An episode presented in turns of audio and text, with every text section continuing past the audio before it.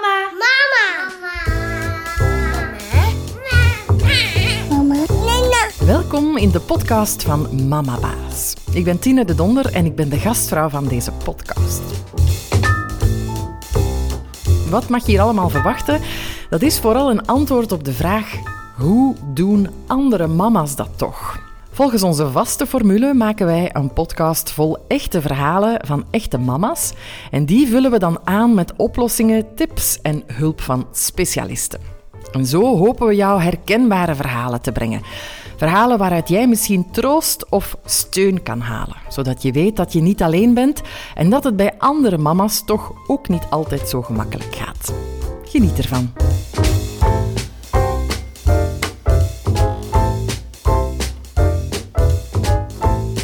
In deze aflevering hebben we het over borstvoeding en dan vooral over allerlei feiten en fabels die daar rondhangen.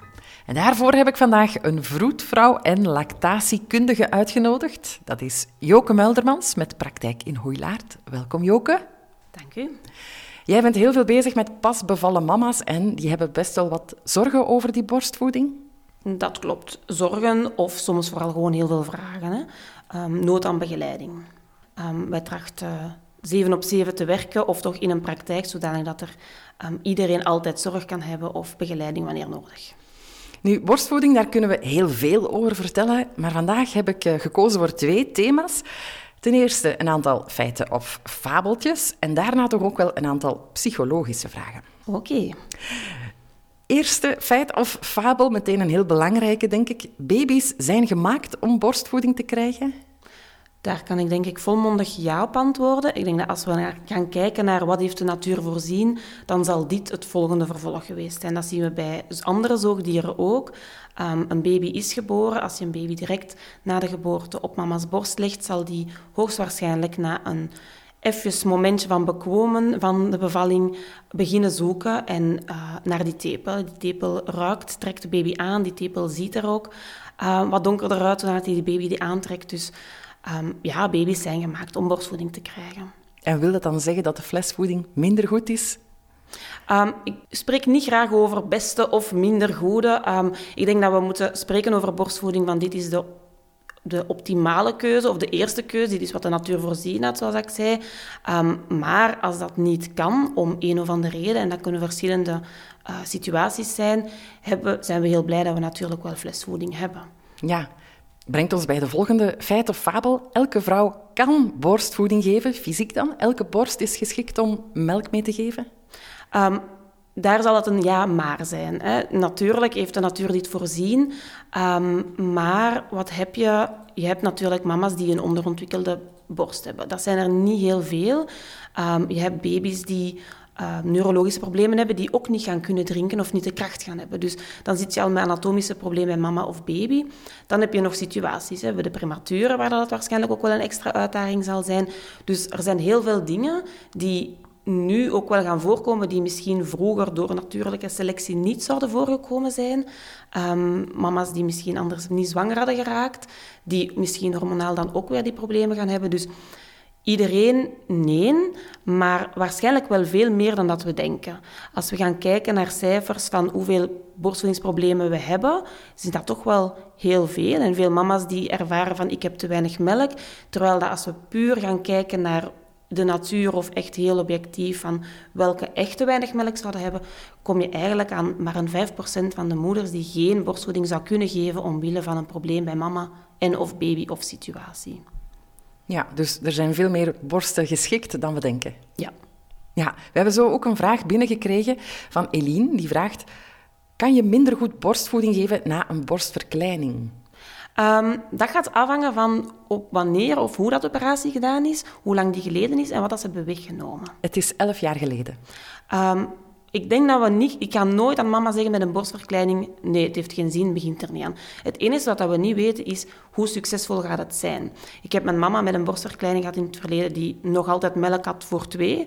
Um, maar even een mama die toch altijd wel, laat ons zeggen, een derde van de, van de melk moest gaan bijgeven met, met flesvoeding, omdat het net niet voldoende was. Um, ik denk dat de chirurgen tegenwoordig borstsparend werken. Maar natuurlijk is er klierweefsel weggenomen, zijn er melkkanaaltjes doorgesneden en hebben die zich niet hersteld, want dat kan zich wel herstellen. Ehm, dat kunnen we niet op voorhand weten. Dus ik denk altijd bij die mama's, kijk, laten we starten. We begeleiden die heel nauw, we gaan dat heel nauw opvolgen. Ehm, maar het is zeker wel mogelijk. Ja, en met speciale tepels, daar hebben we ook een aantal vragen over gekregen. Heeft dat er iets mee te maken met het succes? Um, ik ga er dan vanuit, de meeste mama's die spreken over mijn tepel is wat afgeplat of ingetrokken. De baby weet dat niet. Wij weten dat. Um, de baby wordt nog altijd aangetrokken door uh, het zicht van de tepel, door de geur van de tepel. Het is een, soms een extra uitdaging. Het zal misschien iets minder die zuigervlek prikkelen, maar het is um, geen no-go. Het is gewoon even er zeker op zijn dat de baby het goed kan drinken. Um, soms wat bijsturen, ondersteunen, maar zeker geen probleem. Oké, okay. Een andere vraag die heel vaak binnengekomen is... Is het normaal dat borstvoeding pijn doet als je ermee start? Ook dat is niet zozeer een ja-nee antwoord. Ik denk allereerst zouden we zeggen nee. Er is niemand die drie maanden, zes maanden, twee jaar borstvoeding gaat geven als dat dagelijks pijn doet. Dat is zoals ze nieuwe schoenen aandoen. Als die pijn doen, ga je dat nog eens, nog eens proberen en nog eens, maar je gaat dat niet blijven doen, twee jaar lang. Um, als het pijn doet en het blijft heel de tijd pijn doen, dan is het teken dat er iets mis is. Is de baby die fout aanhapt? Is het de positie? Is het um, de tong van de baby? Anatomisch toch iets? Dan gaan we toch wel gaan moeten kijken van wat zorgt hier voor die pijn? Of eventueel wondjes uiteraard ook. Um, maar natuurlijk doet het pijn die eerste twee weken, enkel de moment dat de baby aanhapt, zo even in het begin een tandenbijtend gevoel. Dat zie je die mama zich even heel hard opspannen in de zetel en dan na tien seconden van oké, ik kan terug ontspannen. Dat kan gewoon zijn. En ik, zoals ik net zei van die schoenen, ik vergelijk heel vaak borstvoeding met iets in ons dagelijks leven, omdat we dat dan herkennen. Als je nieuwe schoenen koopt en je doet die van in het begin heel de dag aan, dan kan het zijn dat je inderdaad pijnlijke voeten hebt op het einde van de dag. Maar draag je die dag in, dag uit dan gaat dat na een week of twee als pantoffels zijn. En dan zijn die goed ingelopen. En die tepels ook. Die moeten heel even wennen aan die stimulatie, aan die zuigkracht van die baby. Maar als dat enkel in het begin bij de aanhappen is, dan is het op dat moment zeker nog oké. Ja. Een andere vraag. Volg je best een voedingsschema of volg je het ritme van je baby? Borstvoeden op vraag dus. Wat zeg jij? Volmondig borstvoeding op vraag. Um, als je gaat kijken opnieuw, babytjes zijn gemaakt om ons duidelijk te maken ik heb honger of ik heb dorst. Dus um, natuurlijk moet die baby wel de kans krijgen om het te zeggen. En een baby moet liefst dan al zo dicht mogelijk bij mama zijn, zodat hij ook geprikkeld wordt om wakker te worden en om dat eten te vragen. Dus ja, borstvoeding op vraag. Maar natuurlijk, als die hele kleine pasgeboren baby niet vraagt of niet voldoende vraagt, dan um, moeten we die natuurlijk wel wat prikkelen en, en uitkleden en nog wat dichter bij mama brengen en wat stimuleren. Dus dat is als pasgeboren, dan gaan we die vraag soms een klein beetje naar ons toe trekken en overnemen. Gaan we naar wat oudere kindjes, dan is het voor mij nog altijd op vraag. Als wij kijken naar ons als volwassenen, als ik dorst heb, zal ik drinken. Als ik honger heb, zal ik eten. Misschien als ik weet, ik ga binnen een kwartier eten, kan ik wel even wachten. Maar als ik om tien uur honger heb s morgens, ga ik niet echt zeggen, ik ook ga nog tot 12 uur wachten, want dan is het pas middageten of pas het moment. Dus ja, je moet naar je eigen lichaam leren luisteren. Iets wat dat wij niet hebben gekregen van kinds af. Ik denk dat de dertigers, veertigers en, en ouder um, heel hard opgevoed zijn met we eten op vaste momenten en we drinken niet tussendoor en we eten vaste porties. Um, als je nu ziet onze kinderen, en ik ben daar heel blij om, dat die op school hun drinkfles op de bank hebben staan of naast de bank en dat die gewoon mogen drinken wanneer ze dorst hebben, omdat dat nu eenmaal een basisbehoefte is.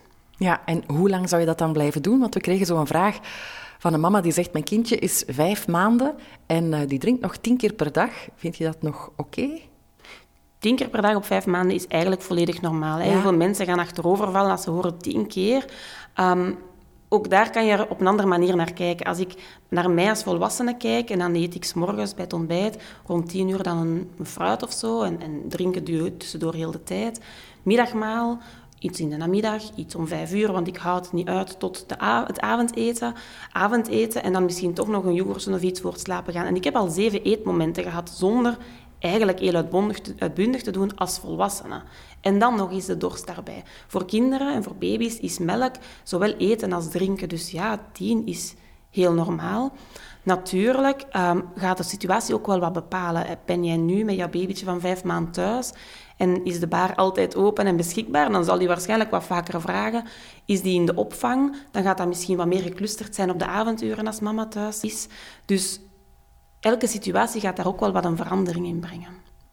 Een vraag van Nele dan. Klopt het ehm, dat kindjes minder goed doorslapen als ze borstvoeding krijgen? Um, daar, zijn, daar zijn al wel wat onderzoeken over gebeurd. En het valt te zien wat je verwacht van een baby. Eigenlijk is het niet heel normaal dat een baby of een kind doorslaapt. Hè. Ze hebben een andere slaapcyclus. Die is ook veel korter dan die van ons. Een, een kleine baby, laat ons zeggen een paar maanden of pas geboren, die wordt wakker, die voelt mama niet, die ruikt mama niet, die zegt ik ween, want ik voel me niet veilig. Ik ben niet meer in die veilige armen waar dat ik zou willen zijn om volledig oké mij oké te voelen. Um, die leg je dan aan. Hè. Dan wordt die wakker en de mama legt die aan. En dus dan lijkt dat misschien dat die wat vaker drinken, ja.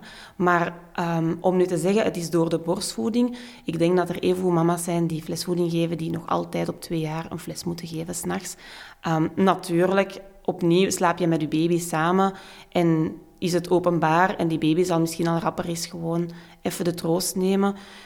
En dan is het wel gaan kijken, vind ik dat lastig als mama of vind ik dat eigenlijk net even gemakkelijk? Ik denk dat je in die situaties mensen gaat hebben die in dezelfde situatie zich heel moe voelen en heel lastig voelen. En de anderen die zeggen, oh, ik vind dat eigenlijk allemaal niet erg, ik moet niet opstaan, ik moet licht niet aandoen. Um, het maakt eigenlijk mijn leven gemakkelijker. Dus ik denk de manier waarop je naar kijkt, zal anders zijn. Maar het mag geen reden zijn om ermee te stoppen? Nee, ik denk dat ik al mama's heb geweten die inderdaad door toch wel wat druk van omgeving, van uiteindelijk toch die fles introduceren s'avonds of toch um, die borstvoeding dan stoppen. En dan uiteindelijk zeggen, ja, nu wordt mijn kind nog altijd wakker en nu moet ik opstaan om die fles dan te gaan halen of, of klaar te maken. En dat het u niks geholpen heeft. Ik denk dat je als mama vooral moet gaan kijken naar waar, wat vind ik nog oké en u niet laten sturen door de anderen hun mening of hun gevoel daaronder. Ja, dat is een moeilijke houding, hè?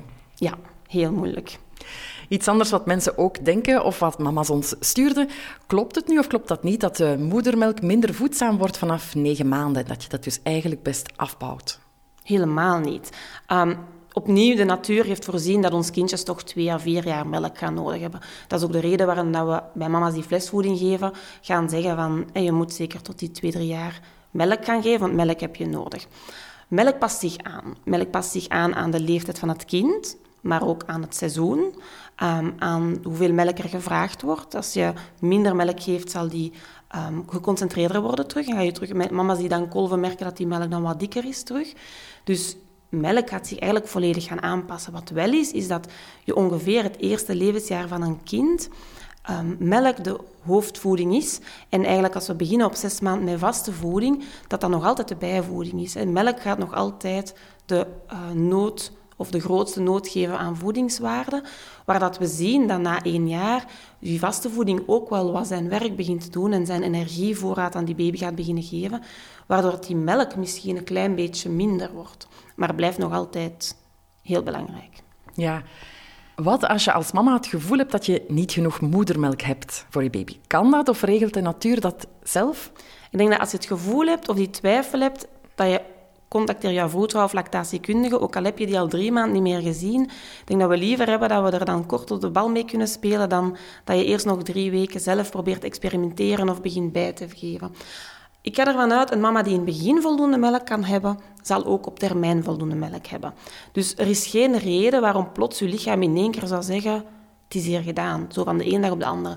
Wat je natuurlijk wel soms hebt, is dat iemand die heel stressgevoelig is, stress zijn hormonen, borstvoeding is ook hormonen, dat die stress toch wel iets gaat doen. Maar een mama die op drie maanden, en dat zijn heel vaak de typische momenten, drie maanden, zes weken, plots het gevoel heeft van ik heb te weinig melk, die um, gaan we natuurlijk even nakijken. Is dat zo of is dat niet zo? Doet die baby het goed? Groeit hij nog goed?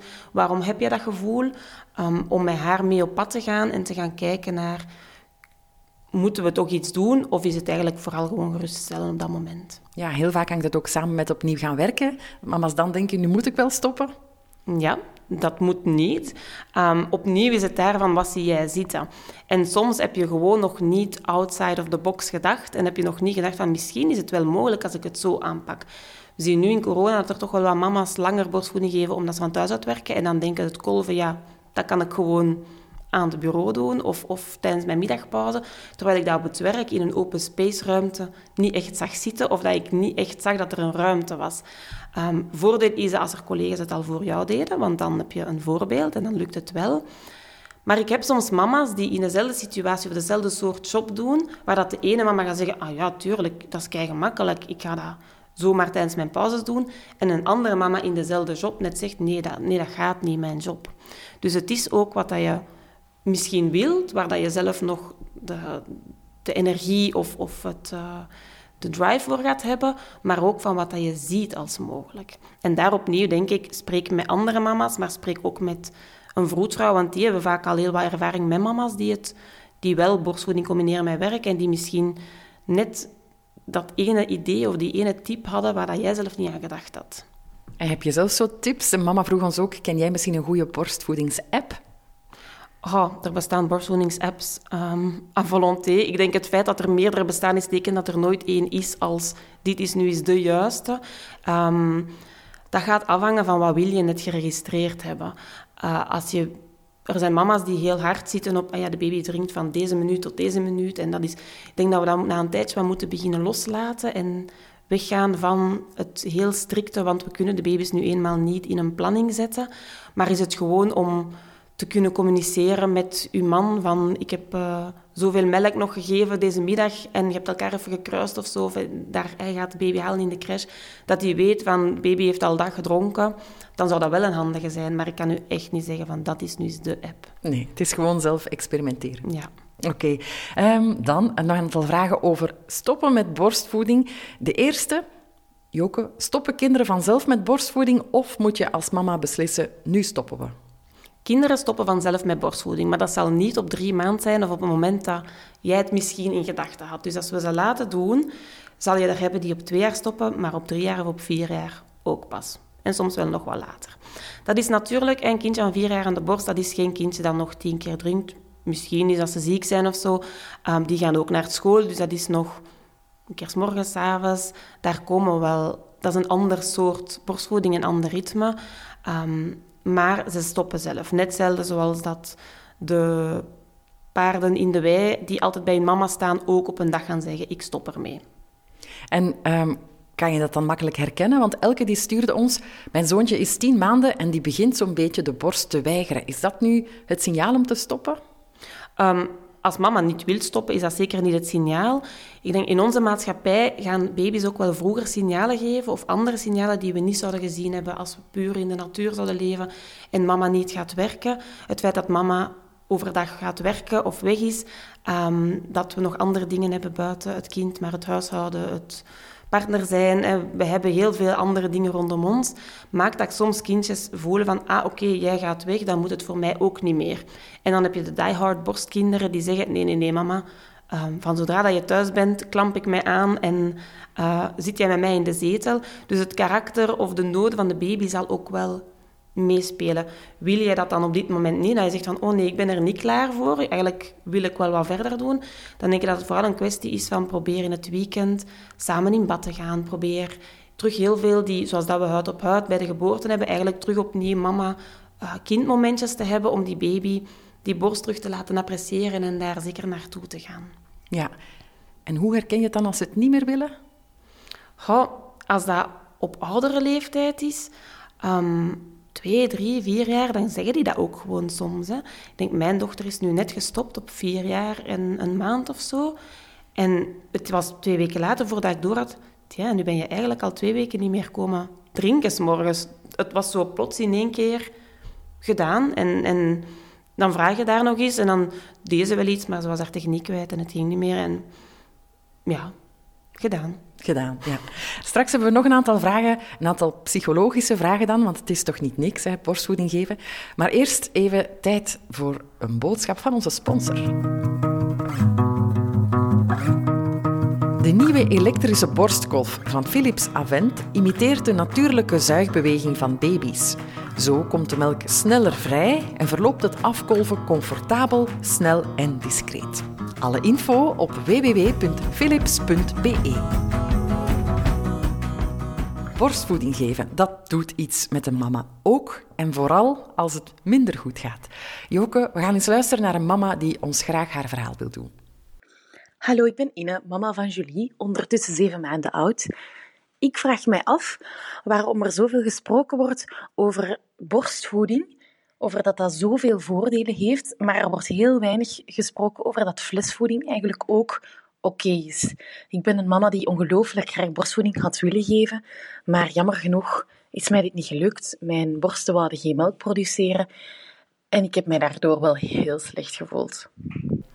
Um, ik denk dat ja, elke mama moet natuurlijk zijn haar weg bewandelen en we weten niet op voorhand waar we naartoe gaan, of, of zeker niet bij een eerste kindje. Dus um, we starten. Ik denk dat dat de eerste keuze is. Zoals ik daarnet ook al zei, borstvoeding is de eerste keuze of is wat de natuur had voorzien. Maar als het niet anders kan of dat niet mogelijk is, dan hebben we ook wel nog flesvoeding. Uiteraard ga je ons horen spreken over voordelen van borstvoeding. Ik denk dat dat um, net hetzelfde is dat een diëtiste zal spreken over de voordelen van gezonde voeding um, en nu niet zal een koekje aanspreken of zo. Um, dus dat kan je ons niet altijd kwalijk nemen, denk ik. Maar dat wil niet zeggen dat we pusherig willen zijn of dat we uh, willen gezien worden als die maffia dat je soms hoort. We willen, net zoals die mama eigenlijk in het begin ook wou, dat die borstvoeding goed lukt en dat ze daar alle kans toe krijgen, dus ook de begeleiding. Natuurlijk hè, kom je in het geval van, van deze mama in een situatie waar dat niet lukt, waar dat er niet genoeg melk is, of de baby niet wil aanhappen, of het enorm pijnlijk is, dat kan heel veel dingen zijn, dan vind ik het als vroedvrouw ook altijd heel belangrijk om met die mensen niet te sturen in de richting waar ik naartoe wil gaan, maar proberen aan te voelen en met hun bespreken van waar wil jij nu nog naartoe gaan. Um, op haar ritme. Dus niet zo snel als dat de omgeving zegt, stop gewoon, het heeft geen zin. Of, um, want dat is soms iets te snel voor de mama, daar is ze nog niet klaar voor om die stap te zetten. Maar eerder, en ik zeg het vaak aan de mama's, ik ga met jou op pad. En soms komen we op een punt waar dat we wel iets moeten doen. Bij deze situatie zal dat zijn kolven aanleggen, bijvoeden, zal heel veel dingen zijn. En dan kan je verschillende wegen bewandelen. Dan kan je zeggen van kijk, laten we deze weg nemen, dat heeft zijn voor- en nadelen. De andere weg heeft zijn voor- en nadelen. Dat de mama kan kiezen van oké, voor mij op dit moment lijkt die weg het meest haalbare om misschien aan mijn einddoel te geraken. Dan kan ik nu nog niet beloven dat je aan je einddoel gaat geraken, maar ik ga wel met u mee op pad. Dus zij bewandelt haar eigen pad en wij begeleiden. Goed wetende dat er momenten gaan zijn dat ze er inderdaad even gaat doorzitten. Of het mentaal heel zwaar gaat zijn, of het helemaal niet meer ziet zitten. Goed wetende, want de partners trekken dan soms al eens aan de alarm van ik zie mijn partner, mijn vrouw helemaal achteruit gaan. En dat ik zeg van kijk, ik zie dat ook, ik, ik ben me daar heel bewust van, maar we moeten haar zelf tot het punt laten komen dat zij zegt oké, dit is het voor mij, ik stop, of ik doe het dan maar op een andere manier, of we doen het half-half zodanig dat het voor haar een hele zelfgemaakte keuze geweest is, of voor het koppel een zelfgemaakte keuze is. Dat betekent dat zij inderdaad op een bepaald moment misschien eens in de afgrond gaat vallen, of bijna er naartoe gaat. En dan zijn we er natuurlijk ook om ze op te vangen. En te bespreken van, oké, dit en dit en dit hebben we gedaan de afgelopen periode. Um, je kan recht in de spiegel kijken en zeggen, ik heb alles geprobeerd wat in mijn macht stond. Ik heb alles gedaan wat ik kon om er een succesverhaal van te maken, maar het is niet gelukt. Daarin tegenstelling dat als je stopt omdat een vriendin of een tante of weet ook wat zegt van oh, stopt gewoon, bij mij is het ook niet gelukt en zie, mijn kinderen zijn toch ook groot. Dat zijn hele goed bedoelde adviezen, maar dat komt niet binnen op het moment dat een mama daar nog niet klaar voor is. Luistert ze dan toch door die druk, dan gaat het, kan het zijn dat je maanden, jaren, een hele lange tijd toch iets hebt van oh, had ik niet toch nog een week moeten proberen? Had ik niet toch nog dat laatste advies dat ik kreeg moeten proberen? Dus ik vind het heel belangrijk dat mama's um, begeleid worden, maar wel hun eigen keuzes kunnen maken. Ja, het is iets wat uh, mama's ons ook stuurden. Er wordt vaak gepusht als het moeilijk loopt. Um, maar hoe kan dit anders? Heb jij tips hoe je daarmee om kan als mama, als die hele omgeving zegt, je moet stoppen, dit loopt niet goed? Er wordt gepusht in, je moet verder geven en er moet gepusht in, je moet stoppen. Ik denk dat dat zoiets is dat we sowieso hebben. Ik vind van omgeving... Um, is het eigenlijk vooral belangrijk. Je ziet een mama misschien wel in tranen in die zetel zitten. En wij zijn geneigd om oplossingen te bieden. Om te zeggen, um, anders stop gewoon. Of um, anders moet je de baby een, dag bij, een nacht bij mij laten slapen en dan kan je eens doorslapen. Maar misschien zijn dan niet de dingen die die mama eigenlijk echt helpen. Ik denk dat het als omgeving heel moeilijk is. Um, maar dat het belangrijkste is dat je gewoon zegt van kijk, ik zie dat je het moeilijk hebt, het gewoon bevragen. Ik zie dat je moe bent, want dat mag je gewoon constateren. Is er iets waarmee ik jou zou kunnen helpen? En dan kan dat zijn dat die mama gewoon gaat zeggen van... Ik ben al blij dat je luistert. Of wil je misschien met mij gewoon een koffie drinken? Of wil je anders gewoon eens mijn was doen of mijn strijk? Of kan ik... Um, ik wil gewoon eens een half uur in bad gaan liggen alleen. Kan jij op mijn baby letten? Dus gewoon aan de mensen vragen, in eender welke situatie is uiteindelijk. Hè? Als je ouder bent, van, is er iets waarmee ik jou zou kunnen helpen? Of het gewoon doen. Maar dan gewoon doen in de zin eten brengen of toch de was doen of zo. Maar niet dingen adviseren die denken dat zou de mama helpen, terwijl dat niet zo is. En het gevaar daar is vaak bij vriendinnen die misschien nog maar net ook mama geworden zijn, die denken van, oh, bij mij heeft dat geholpen. Dus dit is de manier. Maar misschien helpt dat bij die mama niet. Ja, en zo zijn er veel mama's die waarschijnlijk spijt hebben dat ze te vroeg gestopt zijn. Denk je dat? Um, ik denk dat er mama's zijn die inderdaad spijt hebben. Als we horen dat soms bij mama's waar we bij een tweede kindje langskomen, waar dat de borstvoeding dan wel lukt. Of die dan zeggen van, oh, als ik dit allemaal geweten had bij de eerste, had het misschien toch wel anders zijn. Dat is heel menselijk, denk ik. En, en het, het zal normaal zijn dat je af en toe in die teruggetrokken gevoelens komt te zitten. Maar het terugkijken en denken van, met de kennis die ik op dat moment had, met de mogelijkheden die ik op dat moment had, of de steun die ik op dat moment gehad, heb ik nog altijd keuzes gemaakt die op dat moment ook de beste waren. Nu zou je het misschien anders gedaan hebben, maar toen had je het toch wel anders gedaan en dat is ook oké. Ja, dat lijken mij mooie woorden om mee af te ronden. Dankjewel, Joke Meldermans, voor je komst naar deze podcast. Graag gedaan.